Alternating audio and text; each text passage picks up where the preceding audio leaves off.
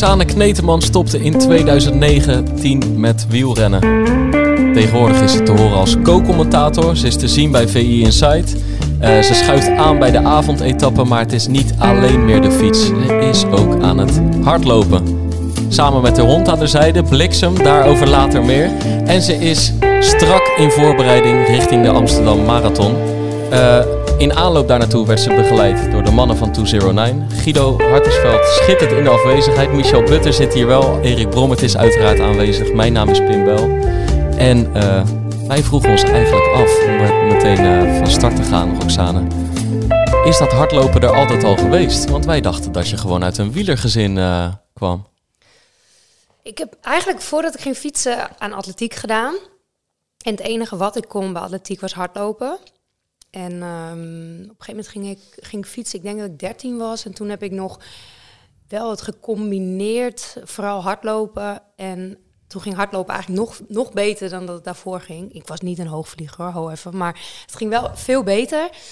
Maar toen ik eenmaal ging fietsen, heb ik nog wel eens eh, in de winter geprobeerd hard te lopen. Maar veel te hard natuurlijk.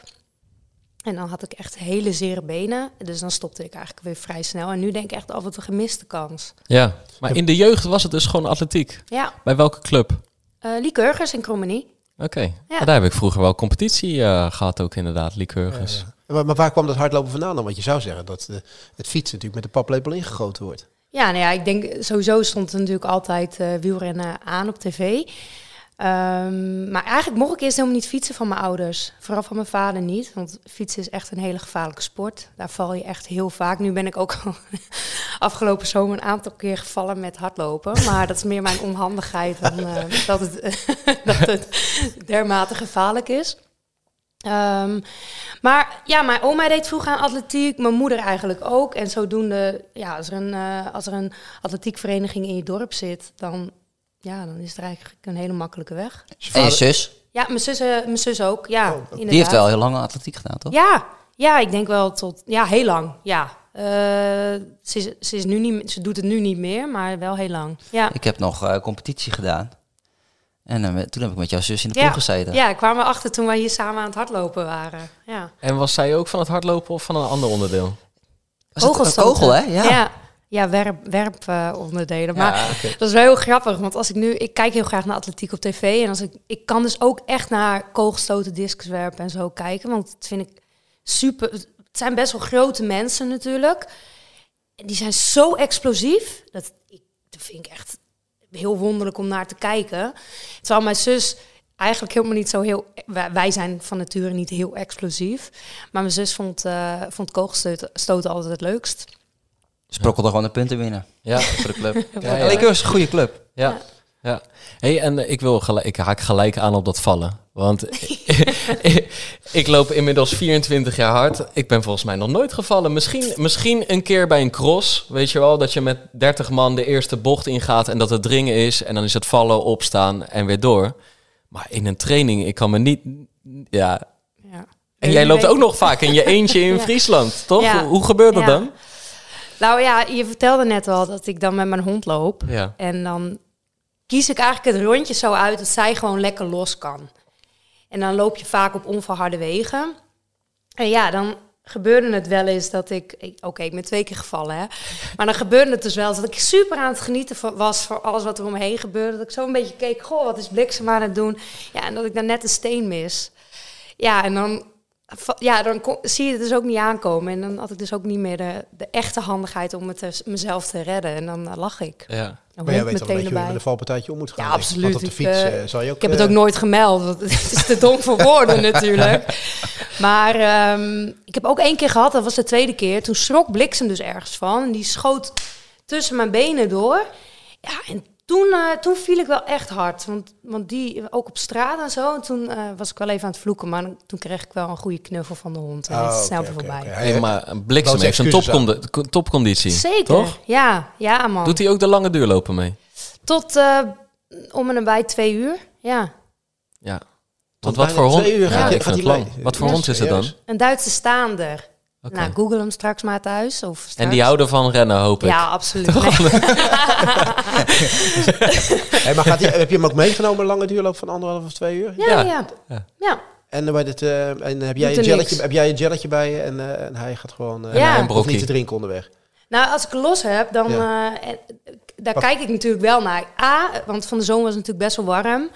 Eh, kijk ik natuurlijk heel erg van, is het niet te warm? Want als het voor mij al warm is, is het voor haar eigenlijk nog warmer. Dus eigenlijk neem ik het dan niet mee. Eh, en B, als ik er gewoon los heb, dan uh, is even dorst, dan drinkt ze gewoon ze uit de sloot eh, hoor. Pak ze eventjes wel. Ja. Maar los en aan de lijn afgewisseld of Ja. zo? Ja, Ja? ja want nou ja, dat, kan jij, dat zie jij natuurlijk, wat voor rondjes ik doe. Ik doe heel vaak niet heel erg inspirerende rondjes. Maar voor mij is dat dus wel inspirerend, want zij kan dan lekker los. En voor mij maakt het dan dus eigenlijk niet uit. Ik vind het, ze zegt niks, ze kijkt me af en toe aan, vind ik heerlijk.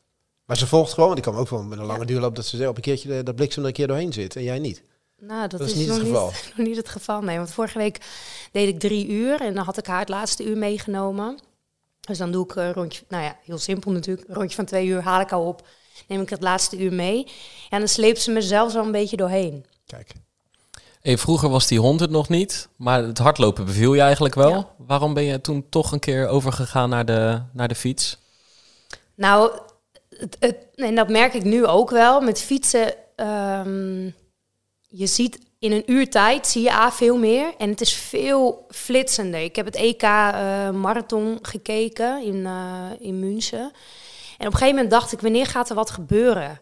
Weet je wel, het is heel monotoon. Het is, er, ge- er gebeurt niet heel veel. Wanneer begint de finale? Dus ik dacht echt, nou, wanneer gaan ze demareren? Ja. En dat gebeurde bij de, ik keek de Ja. vrouwen, het gebeurde wel op een gegeven moment, een beetje bergop en zo. Alleen maar fietsen is veel flitsender.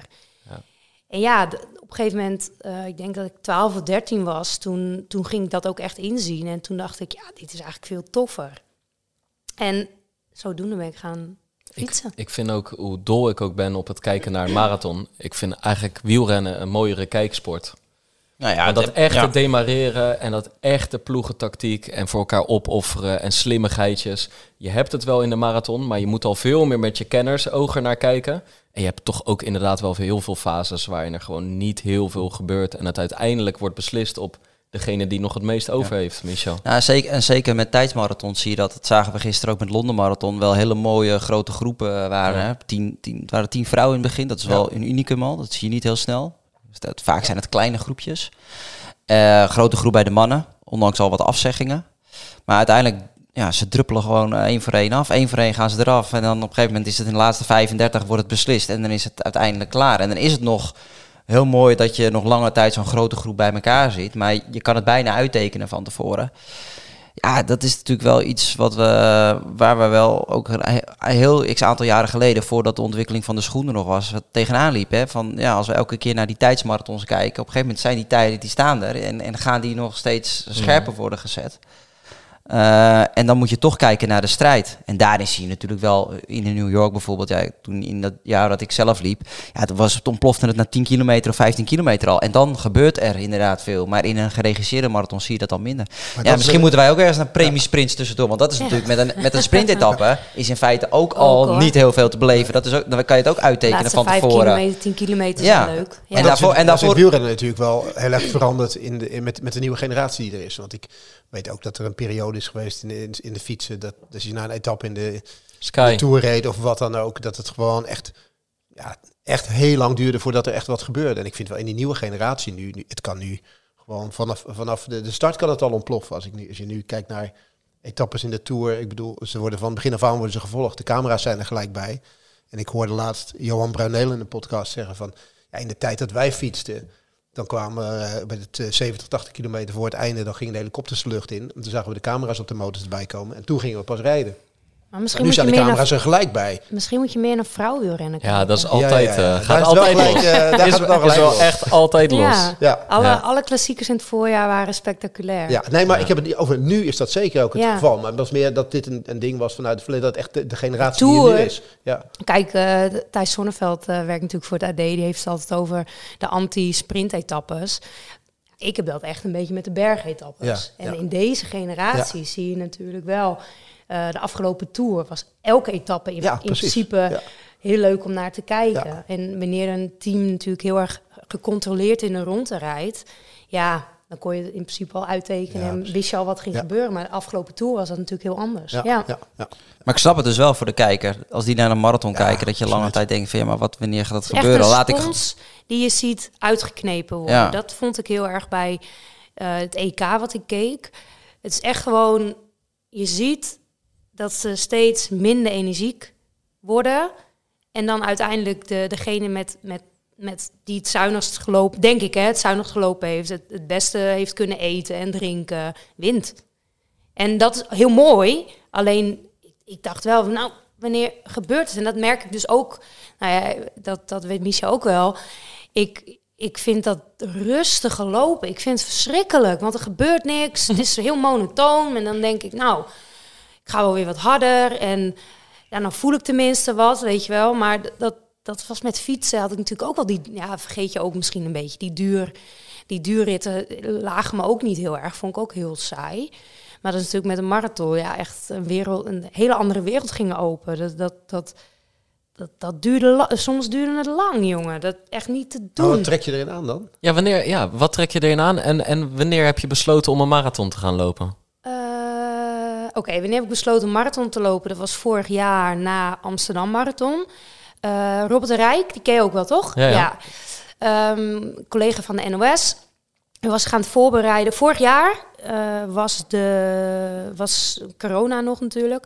Toen liepen... Nee, toen was de Amsterdam Gold Race. En toen zei Robert tegen mij een dag van tevoren... Ik was al een beetje aan het lopen, twee keer in de week. eh, zullen we morgen het parcours gaan lopen? Dag voor de wedstrijd. Ik denk, oh, ik ging een beetje stotteren en zo. Ik zo, ja, maar dat is wel lang. Ik, dat kan ik. Ik weet helemaal niet of ik dat kan. En hij liep echt heel hard. Want dat zag ik. Ja. zo- Dus ik denk, nou, ik weet helemaal niet of ik dat kan.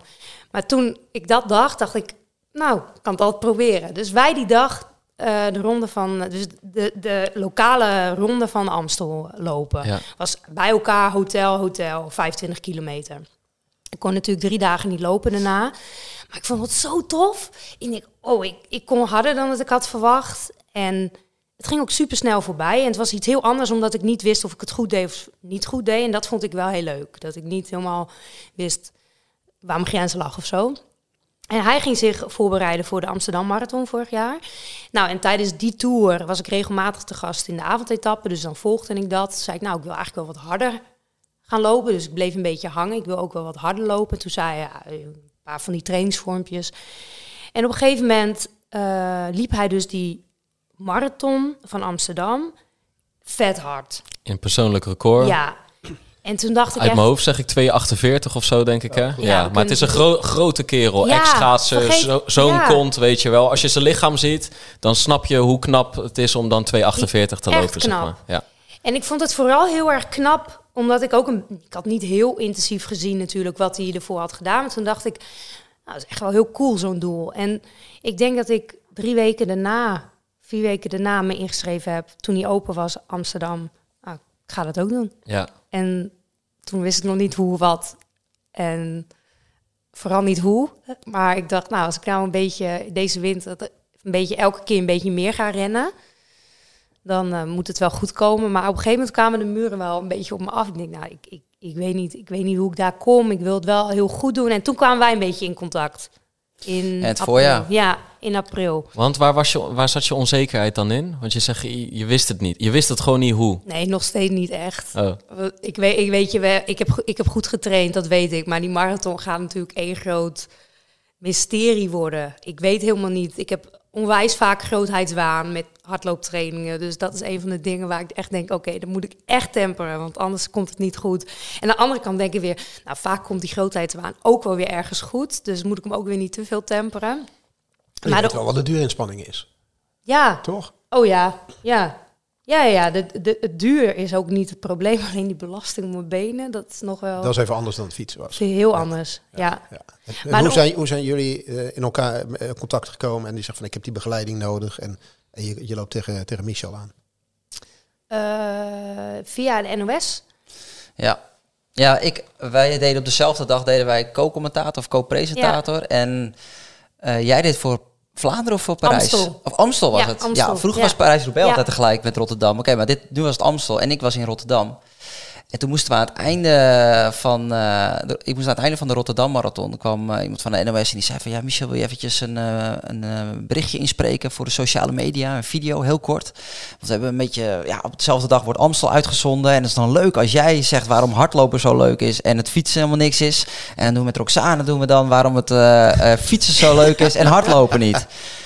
Was Ja. op zich een lastige voor jou, want jij vond- vond inmiddels ik fietsen dacht, leuker. Ja, ik dacht, ik vind fietsen eigenlijk ook wel mooi. En ik zat maar ook echt helemaal een beetje... hardlopen is ook wel leuk, hè? Ja. Dus ik dacht, nou ja, ja, ik vind hardlopen eigenlijk misschien nu wel op dit moment leuker dan fietsen. Maar goed, ja. Ja, het een beetje met een, knipo, met een. Nou, dat moet wel lukken. Ik vond mezelf uiteindelijk... Ja, ik, zei, ik, ik weet niet eens meer wat ik precies zei. Ik zei van eh, iets van hardlopen spuurder en de klappen en het ja. zware. En dat je echt jezelf Echt tegenkomt. zoiets zei ja.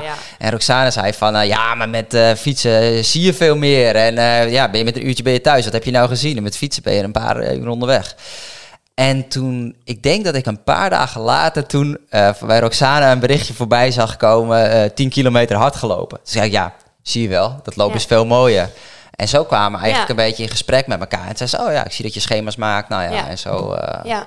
zo is het. Volgens mij is het zo. dus zo ging het een beetje. Want ik vond het ook wel weer spannend. Want een schema wekte wel bepaalde dingen bij mij op. Dat ik denk, ja, pff, moet ik dat wel? Ga je Maar- eigenlijk weer drie jaar terug in de tijd. En al die jaren die daarvoor hebben gezeten. Ja, en, en dat was dus ook wel een beetje een conflict, wil ik niet zeggen. Maar aan ene kant wil ik de marathon wel zo hard mogelijk, zeg maar, lopen als, als je eerst marathon kan zijn. Alleen aan de andere kant wilde ik het ook wel een beetje leuk houden of zo.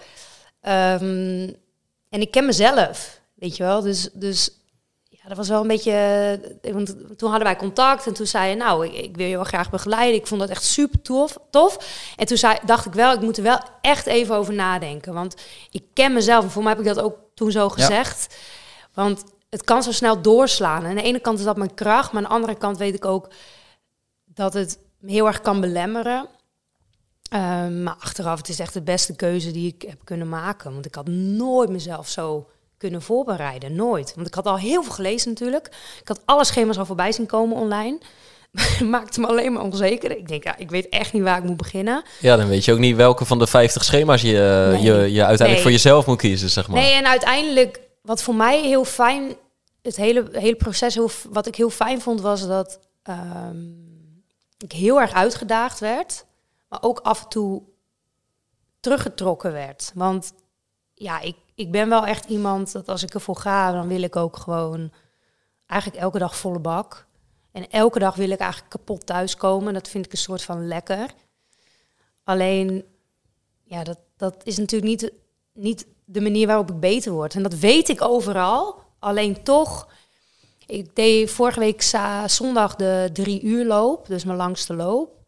En toen begon ik, ik, nou, ik had co-commentaar gegeven voor, eh, voor de WK wielrennen in de nacht. En dat wisten we natuurlijk. Nou ja, en toen had Michel gezegd, ja, probeer, probeer een beetje rustig te beginnen.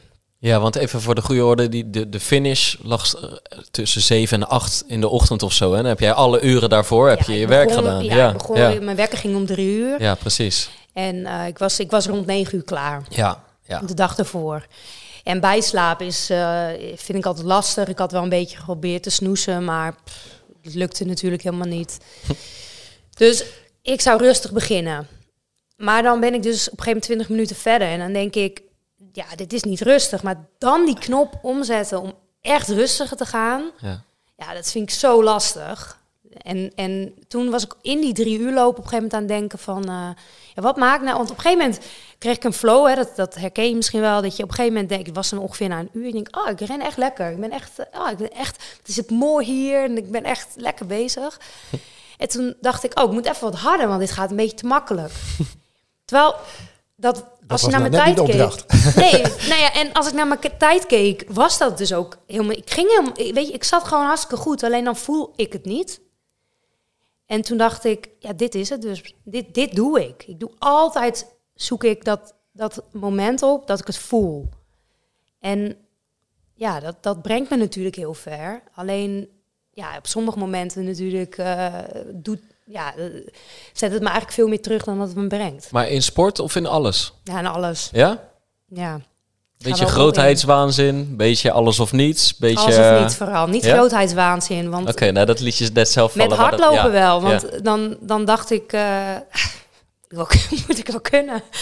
ja, dan kon ik het helemaal niet. En dan dacht ik de afloop over, wat was dit nou even voor grootheidswaan? Maar dat had ik met trainen, met fietsen ook wel. Dan dacht ik, ik doe gewoon uh, die en die ronde had ik dan in mijn hoofd. En dan was het veel langer en veel lastiger dan dat ik van tevoren wist. Of nou, dan wist ik het wel, maar ik dacht ik het wel, dat kan ik wel. Uh, en dat, dat die grootheidswaan, die grootheidswaan, die temperde natuurlijk op een gegeven moment toen ik fietste. En dat vond ik eigenlijk ook wel weer het leuke aan met hardlopen. Omdat, omdat ik gewoon echt met mijn jonge ik weer herinnerde of zo. Of, of voelde. Dat ik dacht van, ah, boeiend, ik, ik klap hem gewoon in. Ik zie wel hoe ver ik kom. En um, ik heb een 10 kilometer in uh, het dorp waar ik woon gelopen van de zomer. En toen hadden een heel mooi paceplan. Hoe heet die wedstrijd? Terwispel, ronde van Terwispel. Ja. uh, had ik een heel mooi paceplan. Alleen... Raceplan. ja, ja, ja. Maar wel op pace, ja. Ja, ja, zo ja. Alleen ik dacht van tevoren al, ik kan echt veel harder, dat weet ik zeker. ja, ik zag, had je al wel aangekondigd bij de mannen? Of had je gezegd oké en had je een ander plannetje in je eigen Ik had ja, dat is goed. Maar ik zag hem volgens mij op je Strava en daar zag ik een openingskilometer van 336. Wil je daar naartoe? ja. ja, dat is dat mooie. Uiteindelijk, uiteindelijk uh, zien we achteraf dan altijd hoe het is, hoe het is verlopen. En in uh, die wedstrijd had je het wel echt uh, zwaar. Maar daar ben je wel snel geschakeld, want het was echt de eerste kilometer en daarna was het redelijk... Ja, ja er zijn twee, heeft twee wedstrijden gedaan, twee oh, 10 kilometers. Uh, eentje in het dorp en eentje in Hem. Ja. En in hem, ja, dat, weet je, zo'n start, dat is altijd even wennen en in de adrenaline. Maar die uh, pik, deed ze heel goed en ook uh, ja, gewoon eigenlijk perfect ingedeeld en zelfs nog versneld op het einde. Maar die wedstrijd in het dorp, die daar, uh, hey, daar hebben we het bekende koffiezetapparaat. oh ja, daar gaat het. Weten, weten mensen ook weer waar we zitten. Ja. Maar um, maar inderdaad, in die wedstrijd toen ging je hard stuk. Ja, ja, en toen kom ik dus ook nog... Uh, de dag van tevoren was ik teruggekomen uit uh, Frankrijk van de tour, uh, vanuit de Tour. Ik was denk ik om half twaalf thuis, de hele dag gereisd. Maar toch dacht ik, ja, ik kan echt harder dan dat. Dat weet ik gewoon zeker. Ik kan gewoon harder. En ik klapte me in, jongen. En ik wist natuurlijk elk steentje, want ik trainen daar altijd. En op een gegeven moment was ik halverwege. Ik denk, ik weet niet hoe ik thuis kom. Ja. Oh, dan weet je hoeveel steentjes er nog volgen. Oh man. En oh, het was best wel warm die dag. Ik wist, ik wist echt niet. En het ergste was, want hij was natuurlijk geen 10 kilometer, want het was niet officieel. Hij was minder. En toen ben ik dus nog door de finish gerend. Ik denk, ja, oh, 10 kilometer. Ja. Zwalkend door de finish heen gerend. Om de 10 kilometer vol te, te maken. Maar dat, ja, dat, die grootheidswaan vind ik ook wel weer achteraf heel erg leuk. Want daar verleg je wel je grenzen mee en leer je heel erg van. Want de tweede keer 10 in hem wist ik dat. Ik startte en dat ging super makkelijk. Maar ik wist wel al, oké, dit, dit, dit kan ik niet. Dus dit is te snel. Ik moet, ik moet het tempo gaan zoeken. Ja, en dan dat, dat lukt. Hem was echt soort van, uh, als je het over een flow hebt, een flow. Dat was echt heerlijk. Maar komt dat dan toch een beetje uit het fietsen ook? Met, met fietsen kan je natuurlijk erin kleunen, maar mhm. soms kan je even de benen stilhouden of valt het, valt het tempo even terug. Met lopen kan dat natuurlijk niet. Nee. Je moet met lopen, kan je niet even zeggen van ik, ik, uh, ik temporiseer even, ik hou mijn benen even Ja, dat kwam ik dus in die eerste tien heel erg achter. Want ik dacht, nou, het is gewoon een, het is gewoon een tijdrit. Dat kan je, dat klap je gewoon in. Dat doe je al, deed je altijd. Dus dat kan je gewoon harder. dan, Dat, ja, dat kan je. Ja. Alleen toen kwam er een bocht aan. Toen dacht ik, oh ja, dat was altijd het moment dat je even kon ademen en mijn benen even kon strekken. Maar dat kan dus niet met hardlopen. Dus je, je blijft maar die, die belasting voelen. En dat is dus ook zo raar. Of nou ja, het is niet raar, maar voor mij was dat heel raar dat je, als je ook klaar bent met hardlopen, is het ook klaar. Dan kom je ook echt niet meer thuis. Of je moet gaan wandelen, of je moet gaan dribbelen. En met fietsen kom je altijd wel thuis. Ik, ik heb wel nee ja, je komt altijd, je, ik kon er altijd wel doorheen rossen in elke training. Je kwam altijd wel thuis. met hardlopen, ik, ik heb ook wel een keer gehad, dan moest ik nog drie kilometer. Ik kon gewoon echt niet meer. ik stond, ik stond aan de kant van de weg. Ik kon gewoon echt niet meer. En dan baalde ik, ik moest een blokje en ik, oh, dan baalde ik van mezelf. Alleen ja, het enige wat ik nog kon was een soort van naar huis dribbelen. En dat met fietsen gewoon niet. Hey Michel, hoe makkelijk is het dan te coachen? Want er zijn een paar dingen waar ik denk, ja, dan moet, moet de coach toch eventjes uh, nee, even inkomen. Ja, maar dat is, nee, ze is maar heel goed te coachen. Ze absorbeert alles. En natuurlijk, uh, uiteindelijk komt ze er zelf achter. Want uh, inderdaad, in die eerste wedstrijd was het natuurlijk meteen... Uh, nou, de leerschool niet. Want nou wel, in eigen dorp is het natuurlijk nooit fijn als je... Ik won wel, ik won wel. Oh, ja, ja, Als we het hebben over oh, resultaat. Ja. Oh ja, je won wel. Ja, precies, precies. Nee. Um, nee, ik vind juist dat ze, dat ze juist alles absorbeert. alles heel leergierig is. En um, ik denk dat, ja ik hoor dingen die ik ook uh, tegenkwam toen ik uh, zeg maar jonger was en in aanraking kwam met het lopen. En als, je, als ik nu ga fietsen, dan uh, ligt Rox helemaal dubbel met van ja, dat snap je toch wel. Of ja, je moet in, in, in, in zijn wiel blijven, want als je eruit gaat, dan ben je klaar. Ja, met lopen als je iemand bij iemand lost, dan, dan kan je nog rustig je, je eigen tempo lopen. Dus dat ik, is ook heel anders dan, ja, dat stukje is ook heel anders dan bij wielrennen. Dat je denkt, ik moet, in dat, ik moet erbij blijven, ik moet erbij blijven. Maar dat is bij lopen juist eigenlijk niet. Ja, nee, inderdaad. Ja, het ligt eraan, maar het is bij lopen gewoon niet. Met fietsen ben je dan vaak klaar. Ja, ja dus ik, ik vind dat helemaal niet erg. Dat, dat, dat hoort er gewoon bij. Um, ik denk waar we heel erg naar op zoek zijn geweest in het begin is ook van ja, waar zit je plezier? Hè? En, en met name dan ook uh, de langere trainingen. Van oké, hoe kunnen we het ik wil juist niet dat ze inderdaad het gevoel hebben van nou, ik heb nu een schema en daar zit ik nu vast in. En uh, nu moet ik een half jaar lang uh, als een monnik gaan leven en alles als een topsporter. Ik, ik, had wel vrij snel door van oké, we moeten gewoon op zoek gaan naar plezier, variatie. Het leuk om bij de atletiekvereniging te trainen.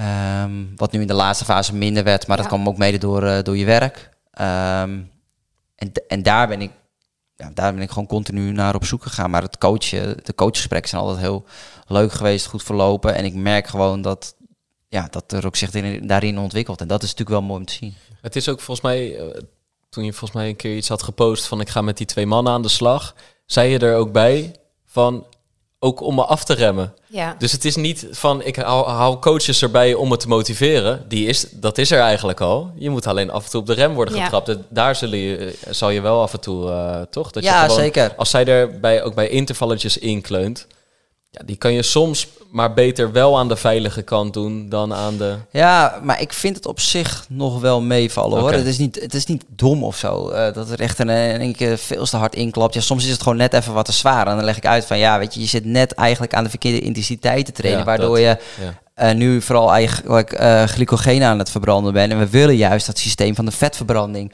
optimaliseren. Maar ergens vindt ze ook een tempo weer net even lekker lopen. Dus daar moeten we dan samen een beetje naar op zoek.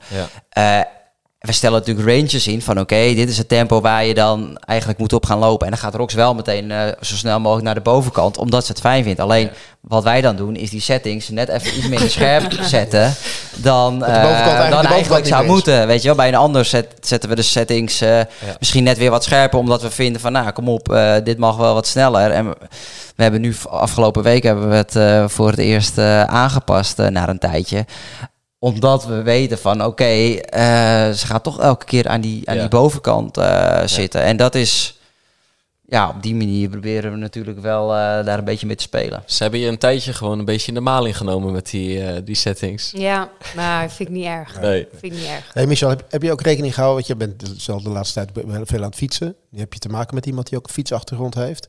Ik zie dat je er ook nog een beetje bij fietst tussendoor.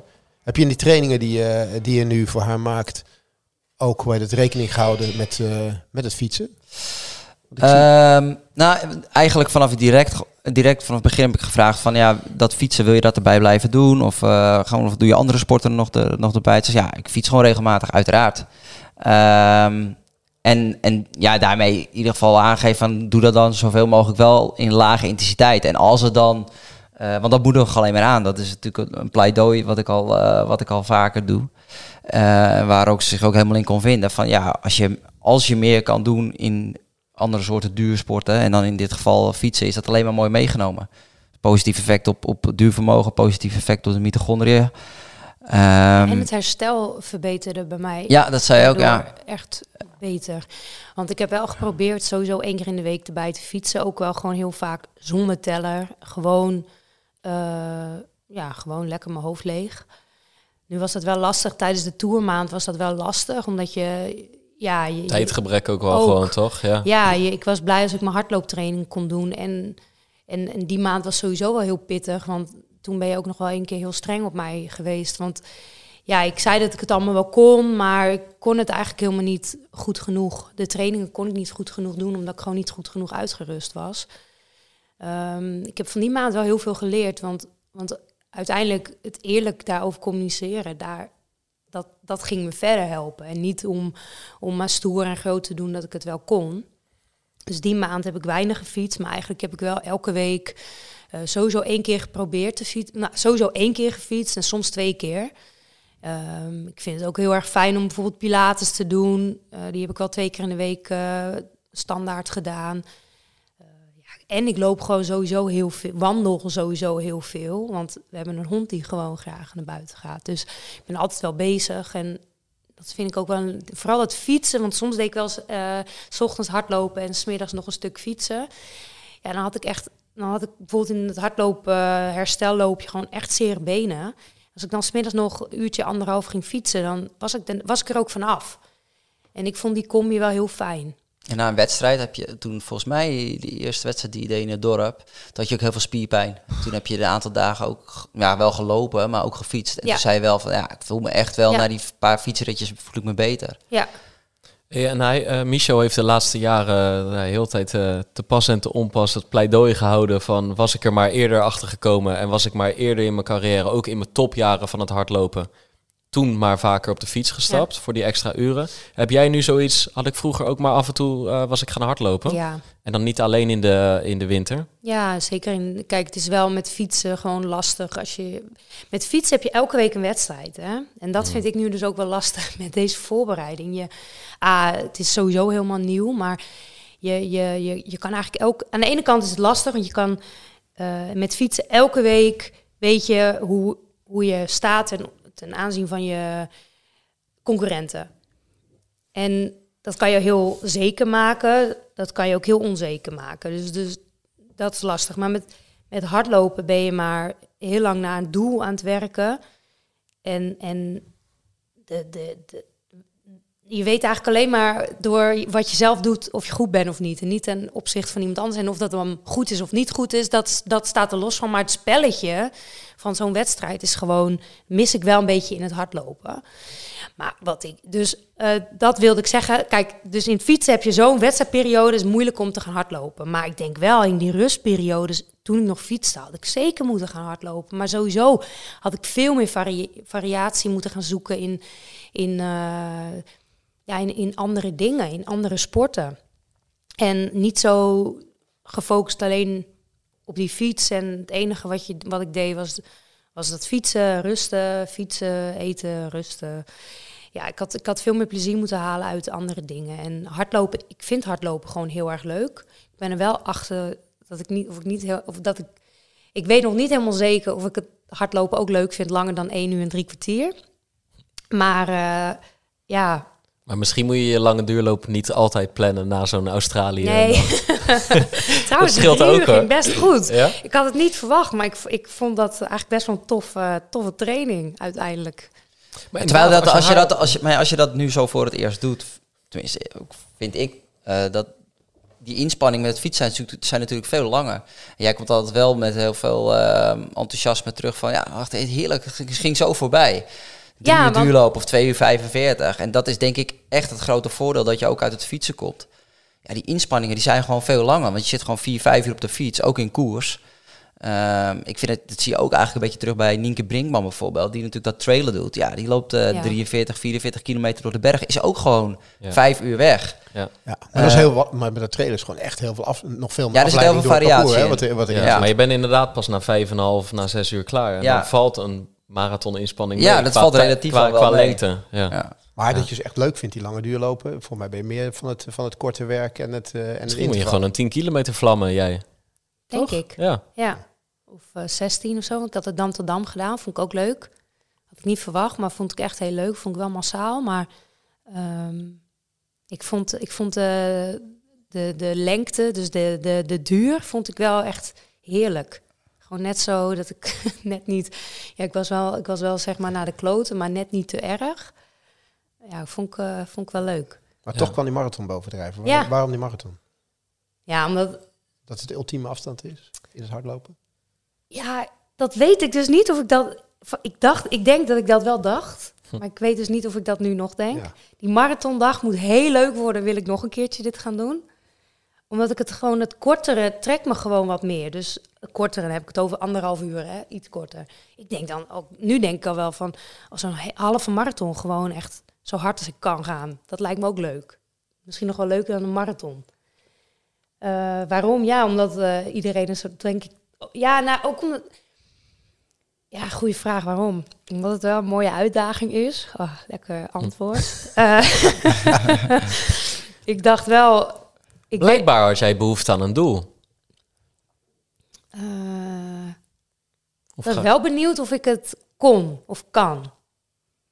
Ik denk nu wel dat ik het kan. Nu is nog de vraag hoe hard ik dat kan. Maar ik had niet verwacht. Zoals vorige week hadden we die drie uur. Da- Daar, daar verbaasde ik mezelf echt. Want die week ervoor had ik denk ik eh, twee uur en drie kwartier gelopen. En toen, dat laatste kwartier was echt pittig.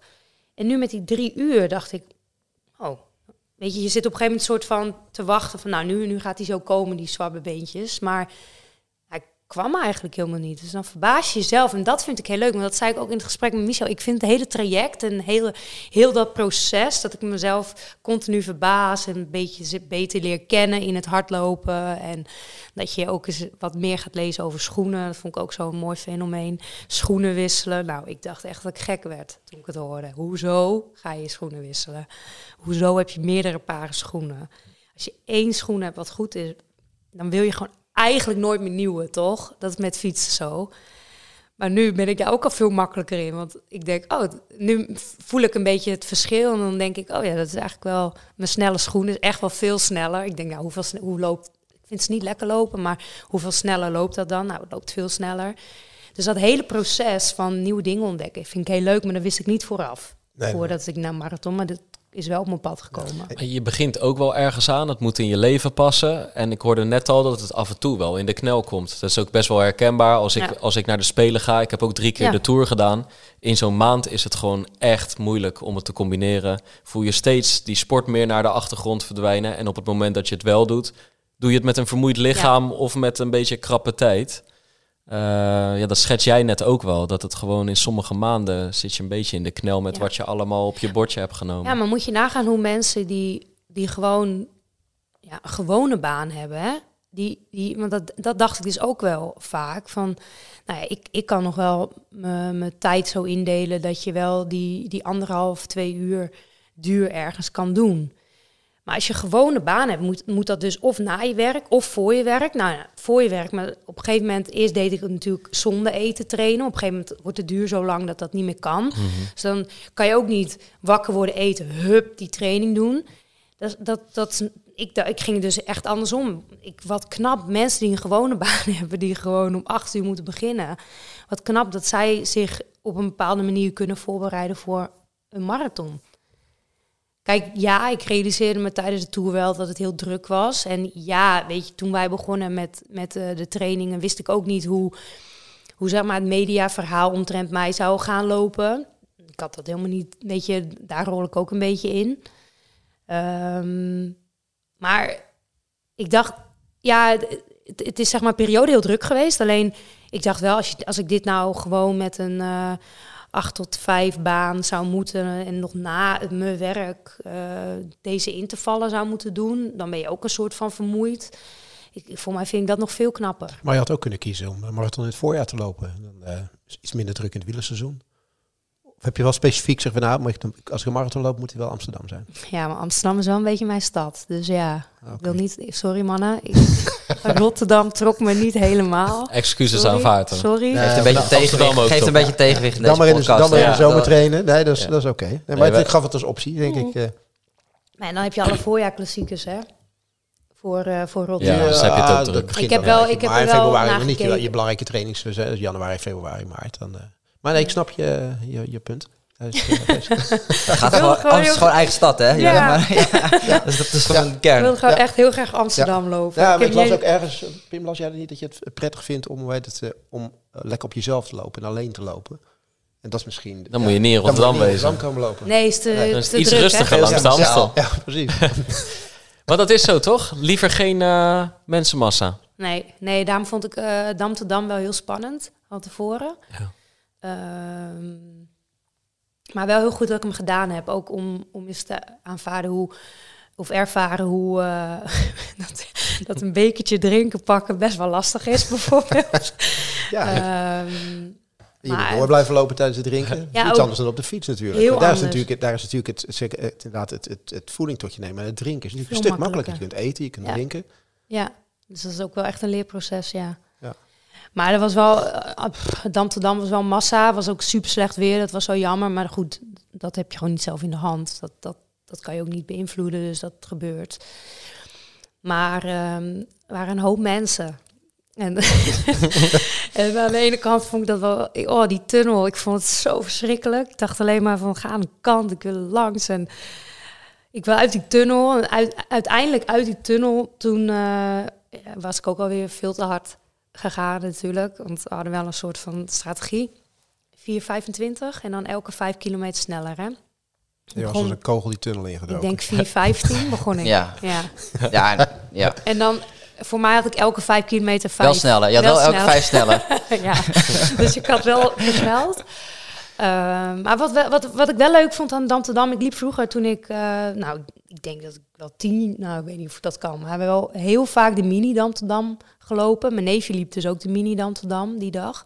Dus dat vond ik wel echt, eh, op een gegeven moment die laatste, dat laatste stuk dat je echt Zaandam inkomt, vond ik wel heel leuk, want dat was een beetje ja, terug naar vroeger of zo. Dus dat vond ik, maar ik vond het wel irritant. want Toen ging natuurlijk iedereen, ik haalde eerst iedereen in en toen ging iedereen ook zijn finale rennen. Dat vond ik wel weer irritant. Dus toen waren me aan het irriteren. Ehm, maar het was wel goed dat ik hem gedaan heb, want ik heb er wel heel veel van geleerd. Ook, ook dat, eh, ja, dat, dat je, want die laatste zes liep ik echt heel goed. Ik had ook mijn teller weg. Ik keek niet meer. Ik dacht ook gewoon, oké, dit is de laatste zes. Dit is gewoon de finale. Ik ga gewoon tegen een bepaald gevoel aanlopen. En ik kwam er wel achter dat dat, dat, dat het beste voor mij werkt. Dus ik moet eigenlijk niet, heel, niet veel met mijn, met mijn tijd en zo bezig zijn. Maar het kan dus ook weer zijn dat ik te hard daardoor ren natuurlijk in het begin. Maar als je die flow kan krijgen in, in de, als ik die flow kan krijgen in de marathon, dan zou het heerlijk zijn. Dat je gewoon, dat had ik in hem ook. Dat je gewoon, ja, gewoon niet meer met je tellen bezig bent, maar gewoon doet. Ja, dat, uiteindelijk is dat natuurlijk het beste, want dan ben je ook dan ben je in concentratie. Ja. Dat is het lekkerste. Terwijl de hele tijd kijken op je horloge, monitoren, hoe voelt het, hoe, lang, hoe ver is het nog. Dat is totaal het tegenovergestelde. Ja. Dan ben je alleen maar aan het denken. En dat wil je helemaal niet. eh, dat, dat wil je niet. Ehm, Ergens alleen een het, ergens, moet je, ergens moet je af en toe controleren. Want Ja. anders ga, ja, dan heb je weer de neiging om misschien dat gevoel op te gaan van... Nou, het moet misschien een beetje zwaarder aanvoelen dan op dit moment. Maar volgens mij heeft het dan- Dam tot Dam uiteindelijk onwijs goed gedaan. Want dat is het inderdaad. Het is gewoon eh, onwijs massaal. Iedereen staat er aan de start, vol adrenaline. Je gaat die tunnel in, ja, die gaat omlaag. Ja, loop maar eens een keertje op pace. Hè, zeg van nou, oké, je moet 4,25 per kilometer eh, lopen. En eh, de eerste, het eerste stuk loop je gewoon 400 meter omlaag en daarna eh 400 meter omhoog. Ja, dat is, dat is ook eh, lastig. En veel Dus wat bochten dat- vond ik ook. Ja. Maar Ja, Ja, dat, dat realiseer je natuurlijk ook nooit. Als je alleen loopt, heb je altijd je eigen lijn. Maar dat, dat was nu helemaal niet mogelijk. Je was, ik was soms een soort van aan het in te vallen. Voor, omdat ik... omdat je een korte, Wel- ja, ja, de kortste route Ik pakken. wilde, ik wilde wel die bochten goed, eh, goed rennen. Dus dat vond ik ook... Ja, dat had ik me nooit... Ik had me wel bedacht, maar door dat gewoon een keertje te doen, voel je dat ook. Hoeveel eh, elleboogstoten heb jij uitgedeeld daar? Ja, wel wat. Want ik wilde wel soms gewoon als eerst die bochten in aan de kant. Eh, Wel wat, weet ik niet. Ik heb Ja. ze niet geteld, maar op een gegeven moment was wel een grappig verhaal. Iemand haalde me in op, ik denk, eh tien. nee, tussen vijf en tien. Iemand haalde me in. Ik denk, oh, die heeft wel een goed tempo. Dus ik bleef achter die man, maar ook wel op een beetje gepaste afstand. Maar hij, ja, hij hoorde me natuurlijk wel ademen. En toen dacht ik, ah, hij gaat eigenlijk net even iets te hard. Maar misschien gaat hij zo weer rustiger. Dus ik was een beetje zo met mezelf. Blijf ik hier wel, blijf ik hier niet? En toen keek je op een gegeven moment achter zich, achterom. En toen zei ik, ja, ik zeg sorry. Ehm, ik zit in je wiel, vind je het vervelend? ik zit in je wiel. en toen zei hij, nee hoor, nee hoor. Dus toen deed die man een beetje mans. En toen zei hij, eh, moet ik harder? Zo. En toen dacht ik, daar heb ik helemaal geen zin in. nee. Ik zei, nee, ik doe mijn eigen tempo. Dus toen ging ik mijn eigen tempo. Maar ik hield hem natuurlijk wel in mijn oog. Zo. Hij bleef de hele tijd zo, zo nou, 50 meter voor me. En jij dacht dan straks, die, die laatste zes Pak hem wel kilometer uit. komt nog. waar. Ik denk, nou, die laatste zes. Want daarom begon ik eigenlijk... Want eigenlijk daagde hij me een beetje uit onbewust. Zonder dat hij het wist natuurlijk.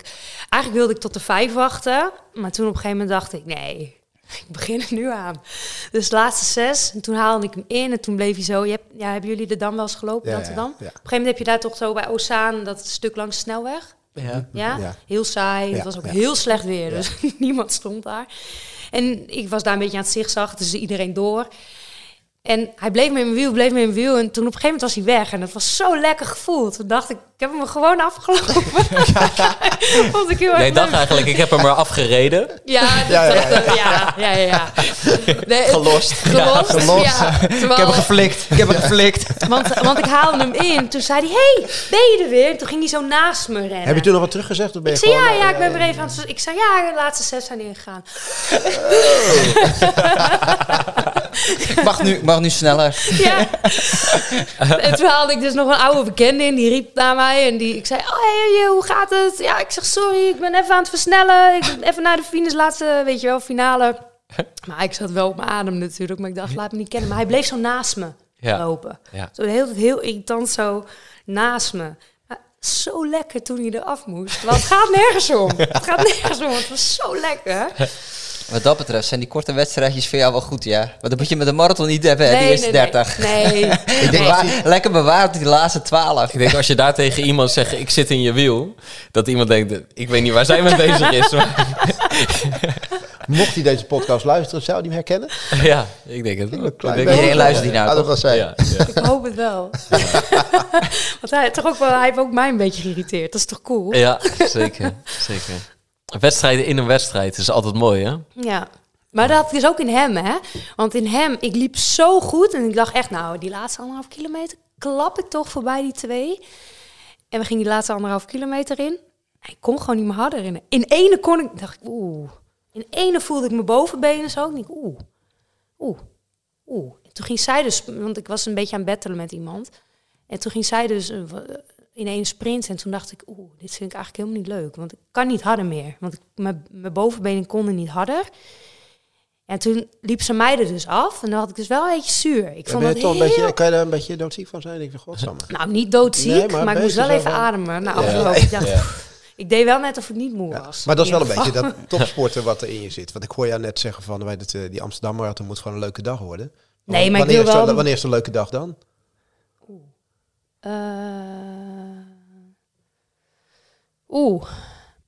Mm, nou, ja, ga ik heel politiek antwoord geven natuurlijk. Ja, maar Als je het, niet als alle ik tijd podcast, uitgedaagd. En, Nee, nee, eh, nee.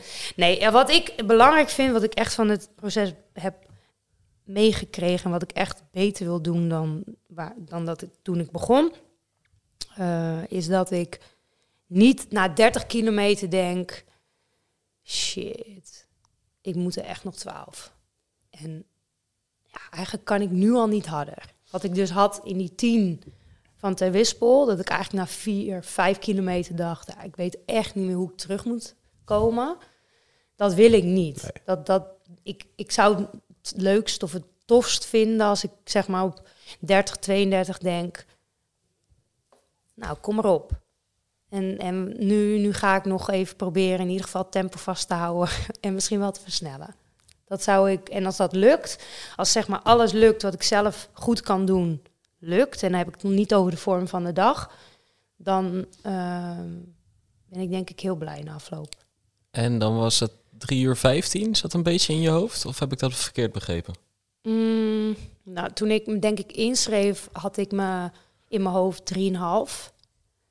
Maar daar ben ik al wel vanaf, want ik denk dat ik dat grootheidswaan makkelijk kan. Nee, dat is niet waar. Maar ik denk dat ik me daar dan niet zelf, dat ik me als ik als ik daarop ga inzetten, mezelf niet genoeg uitdaag. En ik denk dat een goede uitdagende tijd is 3,15, ja. En is de coach ik. het daarmee eens? Ja, 440, 435 per kilometer. Ja. Volgens mij 440 is drie, onder de 315, hè? Net niet, denk net ik. niet, Maar als nee. ik, ik had het gisteren, ik, ben het aan het uitschrijven, alle scenario's. Maar als ik iets, als ik zeg maar de laatste vijf zou kunnen versnellen, als ik 440 loop tot de laatste vijf en dat ik dan zou kunnen versnellen, dan kom ik eronder. Gaat ze de finale in? Ja. Je? Leeuw uit de kooi. Ja. Maar mijn, Mensen mijn, irriteren. ja. maar van nature zou ik zeggen, ik klap erin op 330 en kom binnen op... 430 bedoel je, toch? Eh, bedoel ik, ja, Ja, drie- ja. ik zou 330... 4,30 per kilometer. Ja. ja. Ja. 430 per kilometer, ja, dat is ook een hele nieuwe tak van sport, hè, die Ja, tijden. ja, ja. Snappen, überhaupt. Want wij werken dan met, vier, eh, met nou, 430, 440 en dan ben ik bij de club en dan hebben ze het in een over 200 meter tijden. Huh? ja, want dat is dan, weet ik, ja, dan kan je eerder klokken, weet je wel. Ik weet, ja, op een gegeven moment, toen ik dat wat vaker deed, zat ik daar ook wel een beetje in, maar dat was ook een hele nieuwe tak van sport om die te begrijpen. Ja. Maar mijn nature zou zeggen, ik klap erin en dan kom ik eh, strompelend binnen. Met een waarschijnlijk oké tijd. En misschien niet eens harder of zachter dan dat we het andersom zouden doen. Maar ik hoop echt dat ik... ehm, dat het lastig wordt, het laatste stuk. Dus die finale, dat is sowieso. En, maar dat het niet strompelen is, omdat ik hier te hard... in het begin te hard ben gegaan. Ik vind het wel mooi die wielentermen die in Heel de tijd, Ik, ik, ja. ik heb een marathon en klap erin, heb ik eigenlijk nooit gehoord. Past helemaal niet bij marathon Ik denk, en dat ze in, ik denk dat ze in het Vondelpark een keer een snok aangeeft. Ja, maar- Ja. precies.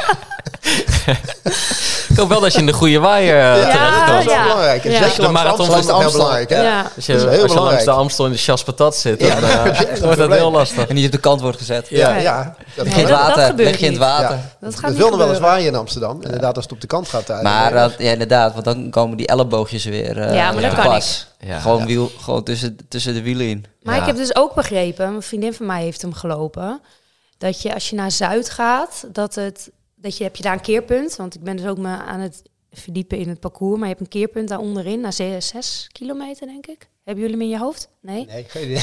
Nou, je hebt Die mannen die, zijn, die komen nooit in Amsterdam. Oké, moet ja. ik er Ja, ja, ja. altijd. Maar ik ben Olympisch Stadion. Stadion dan. Ja, Ja. oké. Oké, dan- maar je hebt dus een Ik ga jou keer... bij de finish zien. Oh, echt? Ja, ja. Oh, tof. Oh, weet ik niet, maar. Waarschijnlijk. Maar je hebt dus een keerpunt onderin. En zij vertelde dat het daar dus altijd dringen wordt. Omdat het een beetje smaller wordt. Weet jij dit? Ja, jij rijdt Ja, ik, drink, ik heb nooit last van dringen, maar eh, dat is wel, ja, dat is een keer, ja, er is Ja. een heel snel een keer, maar die is niet naar 6 volgens mij, die is eh, verder. Ik denk dat die naar 11 is. Hm. Oké, dan heb ik even de... Oké. En ja, en het voordeel van de marathon is echt wel, dus ze gaan wel echt wat liever zijn. eh, je gaat echt wel meemaken dat ze wat liever zijn. ook mannen die dan elkaar aan het... Eh, kom op, ze- mannen, kom op. Zeg. In de finale. Ja, je moet- echt eh, met de finale. ellebogen, kom Je, op. je ziet, het- wat vind ik ook altijd typerend, dan zie je, en dat is op enerzijds ook wel goed hoor, maar dan zie je een vrouw lopen en dan lopen er gewoon 20 mannen achter. Ja. En dan kijk je een paar kilometer later en dan loopt nog steeds die vrouw op kop en al die mannen Ja. erachter. Dus je moet ook gewoon uh, Ja. zeggen, op, Ja, even ja, meewerken. even meewerken jongens. jongens. Draai, draaien. Draaien. Ja, ja, ja, Kop ja, over kop. ja, precies. Ja, je moet het wel een beetje slim lopen. Ja. Zeker die wind tegen moet je gewoon eh, Ja, langs die achter Amstel. die ruggen van die mannen gaan zitten hoor. Als het enigszins kan. Ja. Daar moet je wel slim mee omgaan. Ja, maar heel veel, een, een terugkerend ding in dit gesprek vind ik. Je hebt de hele tijd over van nature. eh, de grootheid is- al voorbij gekomen. Alles of niets. eh, afremmen. Hoe vaak ben je in je leven al tegen de muur opgelopen? Dat is een soort van terugkerend verhaal, rode draad. Ja, toch? Ja, ontzettend. Ja. Op wat voor momenten? En hoe, hoe uitzicht dat dan? Poeh, eh, wat voor het soort moment? Het is vaak. Ik luisterde jullie eh, podcast in de auto rit hier naartoe over wedstrijdvoorbereiding van vorig jaar was dat. Ik ben niet heel erg fan van podcast luisteren, maar ik dacht, nou, ik zit hierin, ik wil wel even luisteren, wat, wat gaan we nou opnemen? Met welke gast heb ik nu te maken? Maar ik vond hem oprecht. Ik heb echt, echt kunnen luisteren. Vaak dwaal ik af. Mhm. Het is nu natuurlijk ook iets. Het ging over de wedstrijdvoorbereiding, dus het is iets wat ik dacht. Oh, Ja, jij gaat de laatste twee weken in. Ja, Ja. dus er kwamen heel veel dingen in voor. Dat ik dacht, oh ja, oh, dat, eh, dat, dat is goed om over na te denken. Eh, Oké, die tegen de muur vroeg je. Ja. Ehm, ja, kijk, ik, ik denk altijd dat ik alles wel kan en moet doen en op, op me moet nemen en geen hulp moet vragen. En als ik beter wil hardlopen, moet ik vooral heel hard trainen. En daar ga ik absoluut niet over zeggen dat ik niet kan werken of minder moet werken. En, en tegen mijn trainer ga ik absoluut niet zeggen dat ik eigenlijk een beetje moe ben. Want ja, hey, ik wil het toch en ik wil harder en harder en beter. En ja, dan op een gegeven moment komt er altijd een punt ergens. Ja, dat dat niet, dat het eigenlijk helemaal niet, niet meer gaat. En dan herstel ik, want ik ben altijd wel een snelle hersteller. Dat heb ik nu ook wel met hardlopen door. Ik kan heel erg moe zijn op die dag, maar ook heel snel weer hersteld zijn. Hm. Ehm, alleen die muur, die, die, ja, die komt altijd een keer. En die is nooit minder hard. Dat is altijd hetzelfde. Dus Heb je die, want het is qua, qua in elk geval werk in de media is het veel drukker geworden het afgelopen jaar. ja, Toch? ja. Ja, En dan denk je, dit kan ik.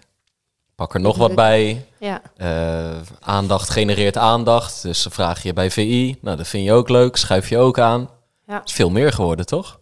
Ja, veel meer. Maar ja, ja, en ik denk dat het, dat het enthousiasme wat ik heel snel heb voor nieuwe dingen, en dat ik ook wel nodig heb, maakt dat ik kansen creëer. En ook pak. Ik durf ze ook te pakken.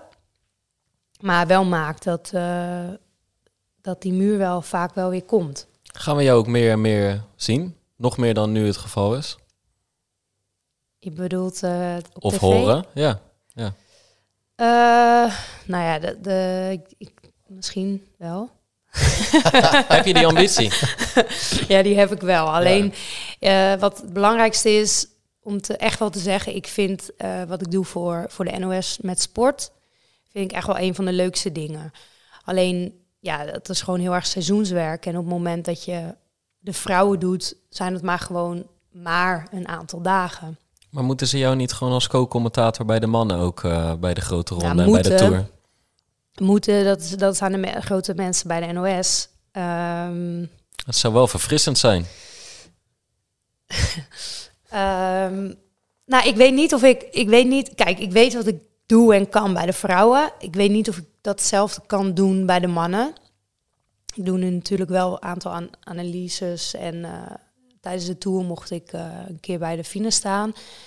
Ja, dat is een ontzettend grote kans, omdat de NOS dat gewoon nog nooit gedaan heeft. Dus, dus die kans eh, krijgen en pakken, dat is gewoon cool en tof. Maar waarom zou, je, waarom zou je het niet kunnen bij de man? Is, wat is Nou, het- dat het weet ik grote, Wat, wat zou voor jou het grote verschil dan zijn? Omdat je die, die, ervaring, die ervaring niet hebt omdat het een mannentour is uiteindelijk. Ja, nou, maar een van mijn grootste krachten bij het vrouwenwielrennen Dus is dat je dat ik nog met die vrouwen in een peloton hebt ook, gereden. maar dat ik ook, ook, maar ook dat ik ze zo snel kan herkennen. Ja. En eh, dat weet ik niet of ik dat bij de mannen ook kan. Nu denk ik, nu merkte ik tijdens de tour wel dat je als je echt in dat circusje zit en je er heel erg in verdiept, dat je dat ook wel kan. Ehm, maar ik, ik denk ook niet dat ik het niet kan. Ehm, alleen, ik denk wel dat het eh, echt een stap uit de, uit de NOS-comfortzone is. Willen ze dat gaan doen? En, en ja, ik, ik, ik weet niet of daar nu al de tijd voor is. ja, maar ik zie bij het voetbal. Maar ik zou het bij, wel bij willen. bij het voetbal zie je bij E ESPN zie ik ook eh, genoeg vrouwen. Het, Ja, het, eh, ISBN, maar niet de? NOS. Nee, oké, maar Ja, en dat, dat, ik denk wel dat ze uiteindelijk daar wel naartoe gaan en willen. Maar ik wil het niet doen omdat ik een vrouw ben. Want dat is natuurlijk nu ook continu ja, de, de vraag of zo. Eh, kan ik doen wat ik doe omdat ik vrouw ben? Of doe ik het omdat ik het goed kan? En dat zijn van die onzekere stemmetjes in je hoofd die zeg maar naar boven komen. Ehm, en daarom doe ik natuurlijk ook soms dingen in mijn training, omdat ik natuurlijk eigenlijk heel erg onzeker ben en onwijs. eh, nou, ja, maar dat is niet als jij eh, zo'n klap er af en toe gewoon in. Dus, eh, Ja, ben je onzeker? ja, dat, ja, Ja? ja, maar Ja. Dat, dat, eh, nou, dat is dan wel in tegenstelling tot... eh, Nou, maar dat heeft niet met elkaar te maken volgens Nee. mij. nee, hoeft ook niet met elkaar te maken. Maar, Maar- nee, nee, nee, maar ik Maar bedoel... waar, waar, waar zit die onzekerheid dan? Eh, nou, ik, wat ik heel, dat heb ik ook tegen Michel gezegd. Wat ik heel fijn vind aan het werken met Michel is dat we geen eindtijd hebben. En dat we gewoon bezig zijn met het proces. En dat we dan waarschijnlijk nu een beetje het gaan hebben over eindtijden. Maar we hebben het eigenlijk nooit over eindtijden gehad. Iedereen bij de club heeft vanaf het moment dat ik heb gezegd dat ik marathon ga doen, het alleen maar over welke tijd wil je lopen. Hmm. Maar dat, daar word ik echt super onzeker van. Dan loop ik een 10 in hem, dan krijg ik berichtjes van de club dat ik eh, nou, met, die, met die 10 kilometer uitgerekend, een bepaalde eindtijd in een mar. Dan denk ik, ja, maar dat kan ik helemaal niet. Waar, waar heb je het over, man? Weet je wel? Maar dat maakt me heel onzeker. En aan één kant, ja, je wordt natuurlijk ook, ook ouder. En met fietsen was het natuurlijk ja, hetgeen dit. Aan de ene kant wil ik het, het zo goed mogelijk doen, maar daar hangt ook niks van af. Dus die onzekerheid, ehm, nervositeit slash onzekerheid, ja, dat, dat, dat kan ik veel beter relativeren. Maar het is er altijd. Als ik naar de Dam ga in de trein, dan denk ik echt, wat ga ik hier doen, jongen? Ja.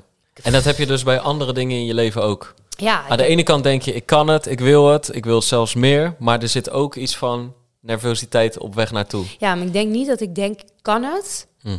Ik wil wel meer, dat zeker. En ik wil het ook.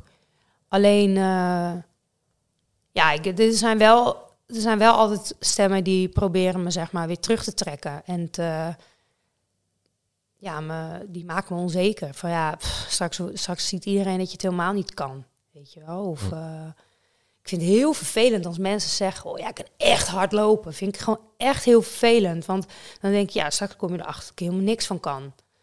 En ja, ik... Want daarom loop je misschien ook het liefst in je eentje in ja. uh, Friesland. Met alleen bliksem uh, als toeschouwer. Ja, en aan de andere kant deel ik het wel weer op, Insta, of op Insta en op uh, Strava. En nu zit je ook nog hier. Weer... Wat? Nu zit je ook nog hier. Ja, ook nog hier. Dus nu weet straks iedereen het. Want iedereen luistert naar deze podcast. Ja.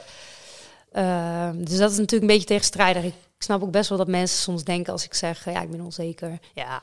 Maar valt die onzekerheid weg op het moment dat het startschot gevallen is? Of dat, het, dat de uitzending begonnen is? Ja, absoluut. Ja, ja. Wat is, toch? Ja, ja, ja, absoluut. Ik vind het, en dat had ik ook al met fietsen. Maar dat weet ik ook.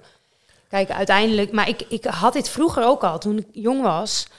Toen sportte ik natuurlijk, ik kom natuurlijk uit sportieve familie. Ik had altijd, elke training terwijl het leuk moet zijn. Ik herinner me alleen maar dat ik altijd een beetje zenuwachtig daarvoor kon zijn.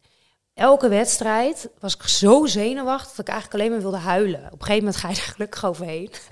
maar, maar dat je bent is... nu niet in de coulissen bij VI Insight dat, uh, nee, dat Gijpje daar aan het troosten is. En dat het dan uiteindelijk aan de bar allemaal wel mee blijkt te vallen. Ja, nee, dat gebeurt niet meer. Maar ja, ik, ik, ik, die spanning, op een gegeven moment leer je daar wel mee omgaan. Maar het is pff, echt...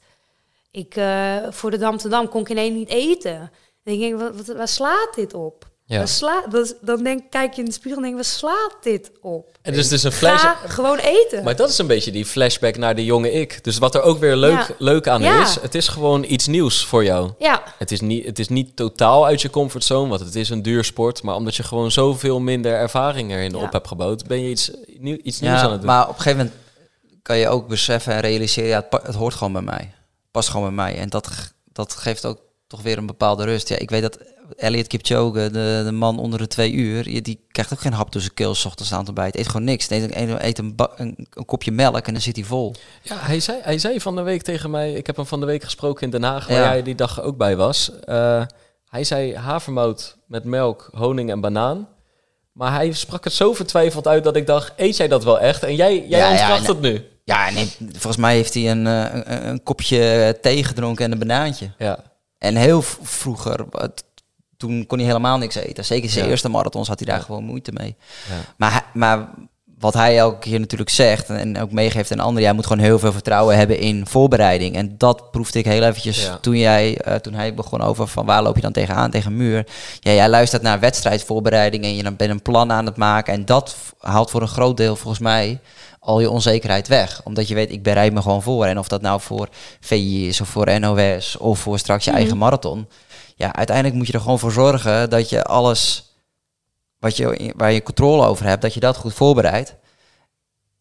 En dat moet je vertrouwen geven. En natuurlijk is er altijd misschien wel ergens een duiveltje die zegt van, oh ja, ja, maar kan je dat wel, kan je dat wel. En heel veel mensen die vinden er wat van. Ja, Maar dan kun je in elk geval terugvallen op je voorbereiding. precies. Ja. Ja. En ik hoorde, zei je dat nou? Dat je Nee. zelfs de, zei je nou dat je de scenario's aan het uitschrijven was? Nee. Oh, ik dacht dat je dat... Ja, demereer ik. Nee. nee.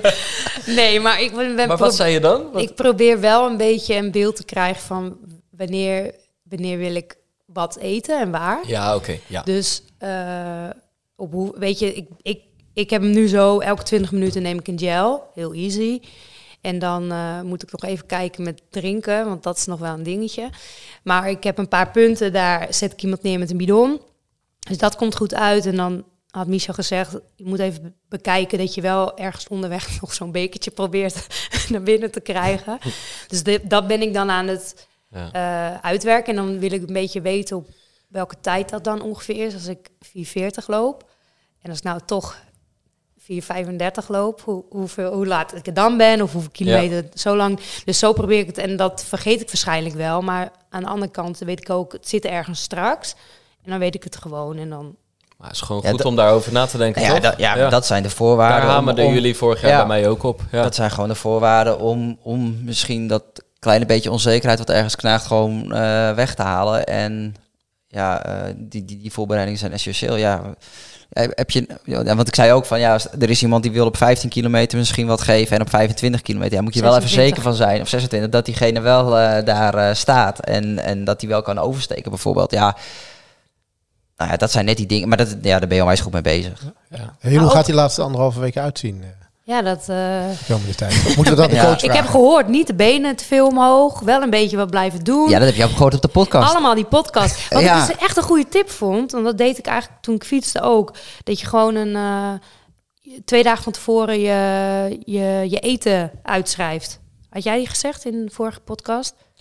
Of nou ja, van vorig jaar? Ja, dat, zou kunnen. Weet ja, nou, dat? is. Het klinkt Ja. als iets wat Michel zou Nee, gezegd zeker. kunnen Ja, nee, niet dat Guido dat heeft gezegd. Althans, dat Ja, is inderdaad het. zeker wat ik, wat ik deed. Ja, ik had Ja. een, eh, een voedingsprotocol. En dat had ik, heb ik al meerdere keren in de voorbereiding dan getest. En op een gegeven moment weet je gewoon, ja, op vrijdag eet ik dit. En op zaterdag eet ik eh, in, in, in grote lijnen.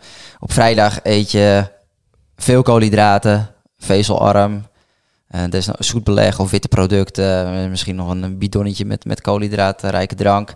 En, de dag, en eh, op de zaterdag deed ik dan eh, ietsje minder, maar nog steeds wel dezelfde producten. Om maar inderdaad geladen aan de start te staan. Dat glycogeen direct opgeslagen Ja. zijn in, in de spieren. Jij deed En ik vond dat- vrijdag en de zaterdag Vrijdag en de minder. zaterdag. Ja, Ja, maar de zaterdag ja de iets vrijdag meer. Ja, de vrijdag Ja. het meest. En dan de zaterdag iets, iets minder. Zodat je niet helemaal een bomvol Ja. gevoel hebt. Dat is best wel. Ja. Ik vond wel je best wel veel. Je aan bent het eten. Ja, Dat had je ook al voor die klassiekers eh, toen nog- dan met fietsen. En dan op een gegeven moment werd je er een soort van ongelukkig van.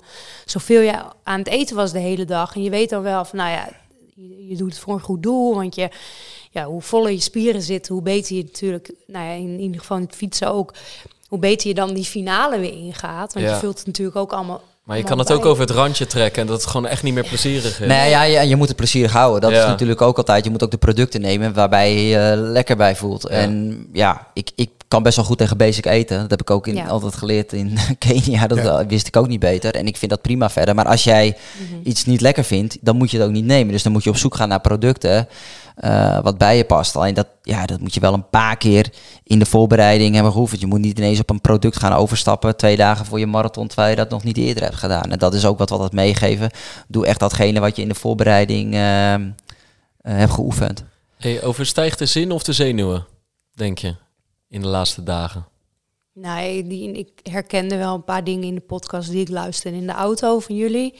Over die, over die onzekerheden van heb ik wel genoeg gedaan. Ja, die beginnen, die beginnen nu al. Ik, ik afgelopen zondag, ja, kijk even niet zo aan, zou ik de laatste key training hebben.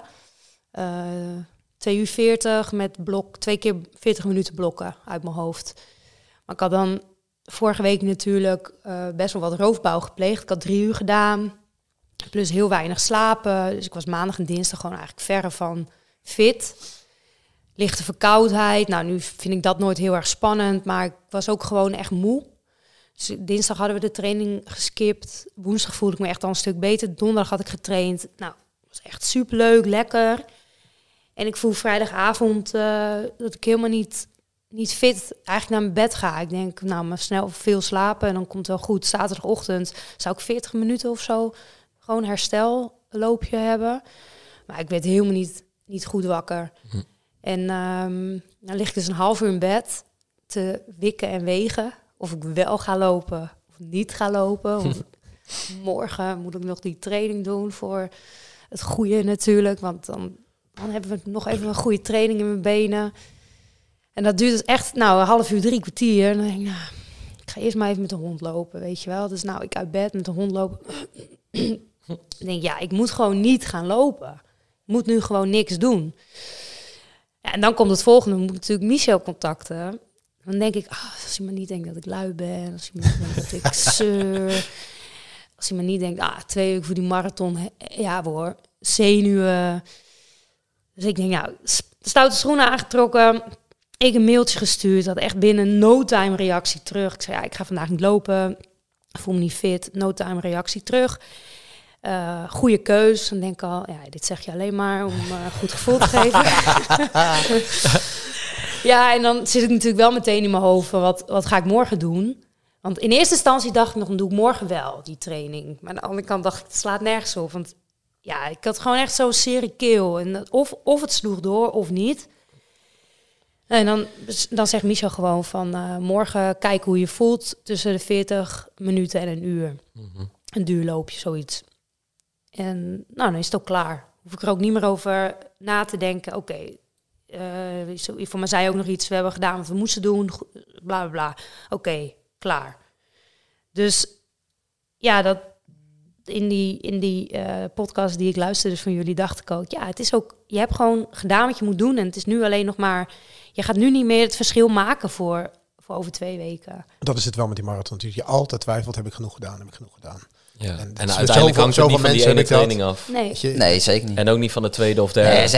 Nee, dat is heel erg goed gegaan. En, en eh, het is inderdaad zeker ook een beetje balanceren geweest. Dus van oké, welke trainingsprikkel geef je en hoe druk je heb je het in je agenda. En al die, ja, die nachten dat je eh, uit bed moet om commentaar te geven. Dat is continu daarin wel de balans te be- bewaken. En je zit wel van in zo'n marathonvoorbereiding, zeker in de laatste fase, zit je een beetje op die grens gewoon te balanceren. Dus van oké, je wil natuurlijk wel die volumes maken, je wil die lange duurlopen doen, zo'n drie uur. Dan heb je uiteindelijk 35 eh, kilometer gehad. En zeker ook bij Rock zag je wel, omdat ze natuurlijk vanuit de achtergrond van het fietsen kwam.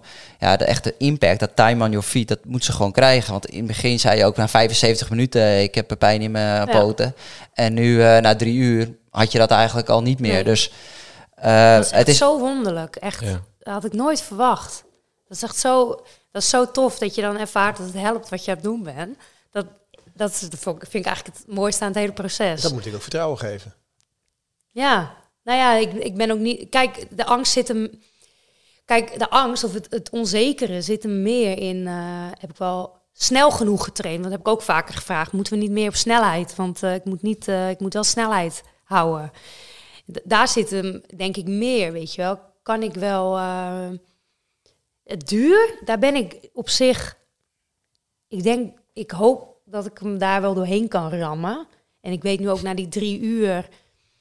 Nou, als ik dat kan, ik denk dan ook echt dat ik hem nog wel door kan. Maar het zit me meer, kan ik wel hem snel genoeg. Maar met die snelheid heb je voldoende. Dat hebben al die mensen in die atletiekvereniging van jou, hebben jou al verteld. Dat je veel harder zou kunnen lopen die marathon door de 10 kilometer dan... eh, Maar ik hoop, ik, dan denk ik, oh, heb ik en wel dan ga jij twijfelen aan die snelheid. Ja, Ja. heb ik wel genoeg Als je 38 op de snelheid. 10 kan lopen, hoef je je Ja, geen ja, vooral dat. Ik, vooral Ik bedoel, dat. Ja, 38 op de Ja, 10. ik bedoel, Dat- dan weet je je hoe hard dat is? is het Ja. laatste waar je zorgen hoeft te maken in de marathon de Maar snelheid. dat is dus het gekke. Ik weet dus niet. Ik weet het niet. Bij- bij fietsen wist ik gewoon, oké, dit kan ik. Als ik een goede dag heb, kan ik ietsje beter. Als ik slecht ben, dan kan ik wat minder. Maar dat weet ik dus gewoon niet bij het hardlopen. Ja, met hardlopen is dat ook zo. Ja, maar ik weet dus niet hoe Nee, hard je dat voor anderen is. Nee, maar goed, maar daar heb je een coach voor.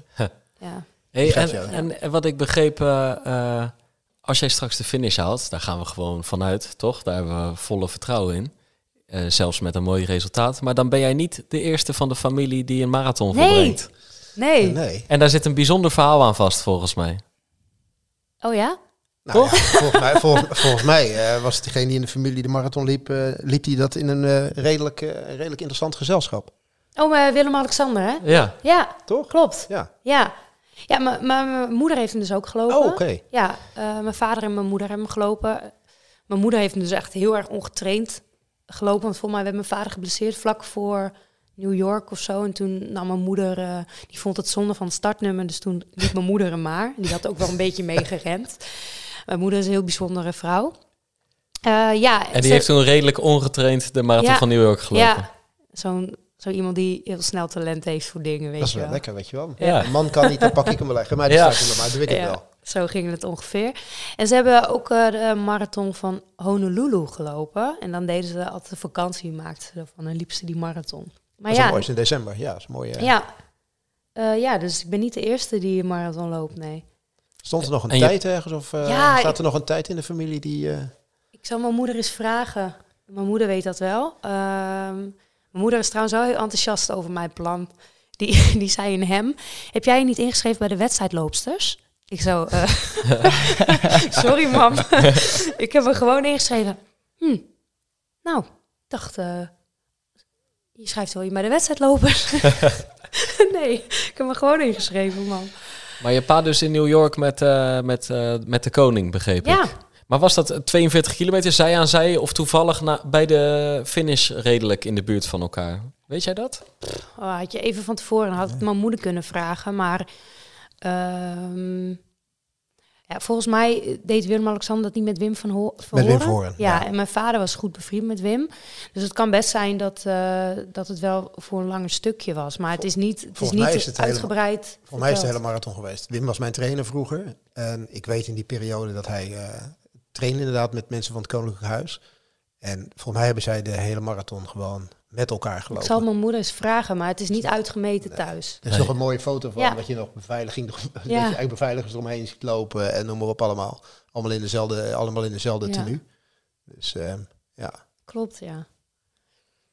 Hé, maar tof, toch? Zin in, toch? En eh, je, je- in elk geval, jij zegt van... Ik weet niet of er nog een marathon komt. nee, nog niet. nee. Maar volgens mij blijf jij wel hardlopen. Ja, Toch? dat sowieso. Dat is gewoon, dat staat al vast, toch? Ja, ik Als weet ik je niet- zo hoor. Ik, ik heb me dus ook ingeschreven voor de Zevenheuvelenloop. Ik weet niet of dat al kan na een marathon. Want ik weet, dat is een maand later. Ja. Ik weet helemaal niet of dat kan. En ik zat zelfs al aan te denken, ik wil ook wel heel graag, ja, misschien is het een beetje ambitieus, maar de combi Egmond weer Egmond doen. Dus strandrace en eh halve. Halve marathon. Ja, Ja. dus die zag ik al voorbij komen in mijn inbox. Ik heb me nog niet ingeschreven, want ik dacht, nou, ik weet niet of mijn vriend daar helemaal mee eens is als ik me daarop ga storten. Meteen weer. Maar ehm, ik dacht wel, als ik nu toch in vorm ben, Ja. dan kan ik misschien hem een beetje doortrekken. Beetje gezamenlijk doen met je coach. Die wilde dat Doe je ook graag, dubbel? volgens mij. Ja, zeker. Ah. Heb jij- zeker. heb jij ja, ja. eh, Mooi eh, lijst af en toe en naar 100 rijden. Ja. Op duinen Ja. of het strand. Ja. Moet je wel, moet je wel een stukje. eh, moet wel een stukje rijden. Ik dacht wel, volgens mij... Of heb je, heb je ook een mooi strand? kunnen? Heb je wel ergens in de buurt een mooi strand? Nee, ik heb geen strand, maar ik heb echt wel eens gewonnen hè, op, eh, op Oh ja. de fiets. Eh, toen trainde ik ook nooit op het strand. Als ik gewoon mijn trainingen doe, een paar keer strand. Moet wel lukken. Dat dacht ik. Maar nu, kijk, kort na de marathon van Amsterdam... zou je iets vaker op de fiets zitten dan aan het hardlopen zijn. Absoluut, ja. Maar zeg twee, drie maanden daarna... is misschien meer hardlopen dan fietsen. Dus dat dit niet een eenmalig iets blijkt. Nee, want ik vind hardlopen echt heel leuk en heel fijn. En, en zeker in je dag in te delen. En, en ehm, dat vind ik met fietsen nog wel lastig. En wat ik het fijne Gewoon vind... tijdrovend, toch? Ja. Veel, veel tijdrovender. Ik vind een uur fietsen vind ik lekker als ik weet dat ik gewoon vier keer loop. Dan vind ik een uur fietsen fijn. Maar als ik drie keer een uurtje fiets, dan, dan denk ik, ja, wat heb ik nou eigenlijk gedaan deze week? Ehm, ja, zeker in de winter is denk ik hard, vind ik hardlopen fijner, want in de winter heb je je fiets schoon te maken. Heb je superveel kleren aan voor een uurtje of anderhalf fietsen. Mhm. Dus dan kan je beter gewoon even een uur gaan rennen. Ja, en bij het fietsen toch wel... Het gaat wel steeds minder, hoor. Of speelt dat een rol. Maar je weet wel altijd... ehm, vroeger fietste ik dit. Of, oh, ik ga wel heel langzaam nu. Of, Ja. Dus er zit wel altijd een soort van vergelijking met vroeger in. Eh, en met hardlopen heb ik dat niet echt. Want ik weet niet, ik weet ook, denk ik nu weet ik een beetje van, oh, als ik me goed voel, ren ik zo. Maar nog niet helemaal. Is het nog met die topsportgedachte aan het doen, Michel? Of, want daar, daar heb jij ook een tijdje mee gezeten van hoe ga ik nou voor mezelf weer die balans vinden tussen ja, gedreven met sport bezig zijn, fit blijven, doelen nastreven, maar zonder dat ik nog die topsporter van vroeger eh, Ja, ben of wil zijn. Met topsport is gewoon dat het echt het allerbelangrijkste is in je leven. En dat je echt geen concessies doet. Ja, Dat het alleen maar draait om trainen, eten, slapen. En dat, dat is het natuurlijk niet. nee. Uiteraard, en daar, had ik, daar hebben we van de week nog over gesproken, blijft het wel belangrijk om gewoon balans te behouden in je leven. Dus je kan niet zomaar zeggen van, eh, oké, ehm, ik ga heel van dit doen, dit doen, dit doen, doen. En daar ga ik naartoe en daar ga ik naartoe en daar ga ik naartoe. En ondertussen doen we wel eh, alle keiharde trainingen, weet je wel. Dus dan moet je ergens keuze gaan maken. En dan is het heel gezond juist dat je ook af en toe zegt van... nou, oké, dan maar iets minder trainen, want er zijn andere belangrijke dingen in mijn leven. En dat is natuurlijk met topsport wel anders. Maar het, het, het, het balans bewaken, preventief gewoon ervoor zorgen dat je met je lichaam en met je geest eh, goed bezig bent. Ja, dat, dat zit er natuurlijk in. En dat moet ook wel eens, denk ik, zo blijven. Alleen maar om gewoon een gezond leven te kunnen leiden. Uh, en winnaarsmentaliteit, of er gewoon voor gaan en erin beuken. Ja, dat zit er, uh, dat zit er ook in. Ja, is dat, is dat topsporters eigen? Mm -hmm. uh, ergens zit dat er natuurlijk altijd ehm, wel in. En um, wat, ze, wat Rox niet wil en, en, voor, en ik ook niet meer wil, is dat, je, dat het een soort van, uh, dat, ja, wat dat het allerbelangrijkste is in je leven. En dat het echt je gaat uh, belemmeren en, en met andere moet. dingen. En dat het moet. Het moet, ja. gewoon, moet gewoon heel veel plezier geven in je leven. En, en, en, en dat is het vooral, dat het, uh, ja, dat het je heel veel energie geeft. Geef jij commentaar die dag? Of sta, of sta je ergens langs het parcours ja. of aan de finish om... Ik geef commentaar voor de NOS. Dus, uh, maar ik ben er dus. Maar ik ben, ik ben, ik ben, uh, ik sta bij de start, denk ik, in het Olympisch Stadion uh, en bij de finish voor het eerst live dit jaar. Ja, oh, cool. ja live ja, bij de NOS. Ja. ja. Met allemaal nieuwe foefjes hoorde ik ook. Ja, we hebben wel wat uh, ontwikkelingen in de sport uh, die uh, leuk zijn. Waardoor je, de, nou, als het goed is, dat, is dat je de marathon nog gewoon beter kan volgen. Dat je de deelnemers beter kan volgen. Maar ook daar, nou ja, dat horen we dan 15 oktober wel. Ja. Hoe, start, hoe laat starten de wedstrijdlopers? 9 uur, denk ik. Maar jij zal niet veel later starten. In welke weef zit je? Weet je dat? Ik heb er een foto van gemaakt. Dat jullie gingen vragen. uh, Welk startnummer? ik zal het even opzoeken hoor, luisteraars. Ja. Uh, 1027. Ja. Okay, voor de tracking. Voor de tracking, ja. Oké. Okay. Ja, en startvak yellow. Oeh. Oeh. ja, dat weet ik eigenlijk niet. Nee. Het, nee, het, klinkt top, er staat maar geen ik heb tijd bij. Starttijd 9 uur. Nou, sta je gewoon uh, dat is meteen. vooraan. Ja. Ja, zeg maar tegen je moeder, mam. je bij de wedstrijd Mam, ik sta bij de wedstrijdlopers. Ja. je gaat zo door naar de toch? Dus je kan het er Ja, meteen ik ga vertellen. het meteen vertellen. Ja. Ik denk Ja. dat ze Ja. trots is. Nee, je staat... ehm nou, dan sta je gewoon... eh, Maar voor mij, ik, vooraan. heb, ik weet ook niet. Ik, ehm, ik heb wel mijn, mijn eindtijd heb ik ingezet op drie uur. Want ik dacht dan... eh, Dan sta ik een beetje vooraan. Dat dacht ik. Ja, Ja, Ja, dit- dat doet eh 90% Ja, van de deelnemers. Dus Ja. uiteindelijk heb je er gewoon hartstikke eerlijk ingeschreven. Ja. Daarom. Nou, Ja. maar ik dacht, eh, die Dam tot Dam liep ik, had ik best eerlijk ingeschreven, geloof ik. Nou, liep ik alleen maar mensen in te halen. Ja. Die, Ja. Ik vond het eigenlijk gewoon irritant. Ja, nee, maar een goede sporter die bluft af en toe. ja, dat is toch Ja. zo? Ja. Dankjewel. Jullie Voor een bedankt. leuk, eh, leuk gesprek sowieso. En heel Succes veel succes week. sowieso. Twee weken. Twee weken, zeker. Anderhalf, anderhalf. week. Ja, ja, Ja, ja, ja, ja.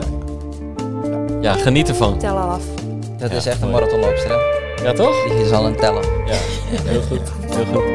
Eh, en sowieso voor alle luisteraars die in Eindhoven gaan lopen, die in Amsterdam gaan lopen. Succes met de laatste loodjes. Laat je niet gek maken. Stapel. Beetje op de veel op de vrijdag, een beetje op de zaterdag. Zorg dat je opgeladen aan de start staat en ga ervan genieten. Blijf luisteren, blijf lopen en tot de volgende Pacer.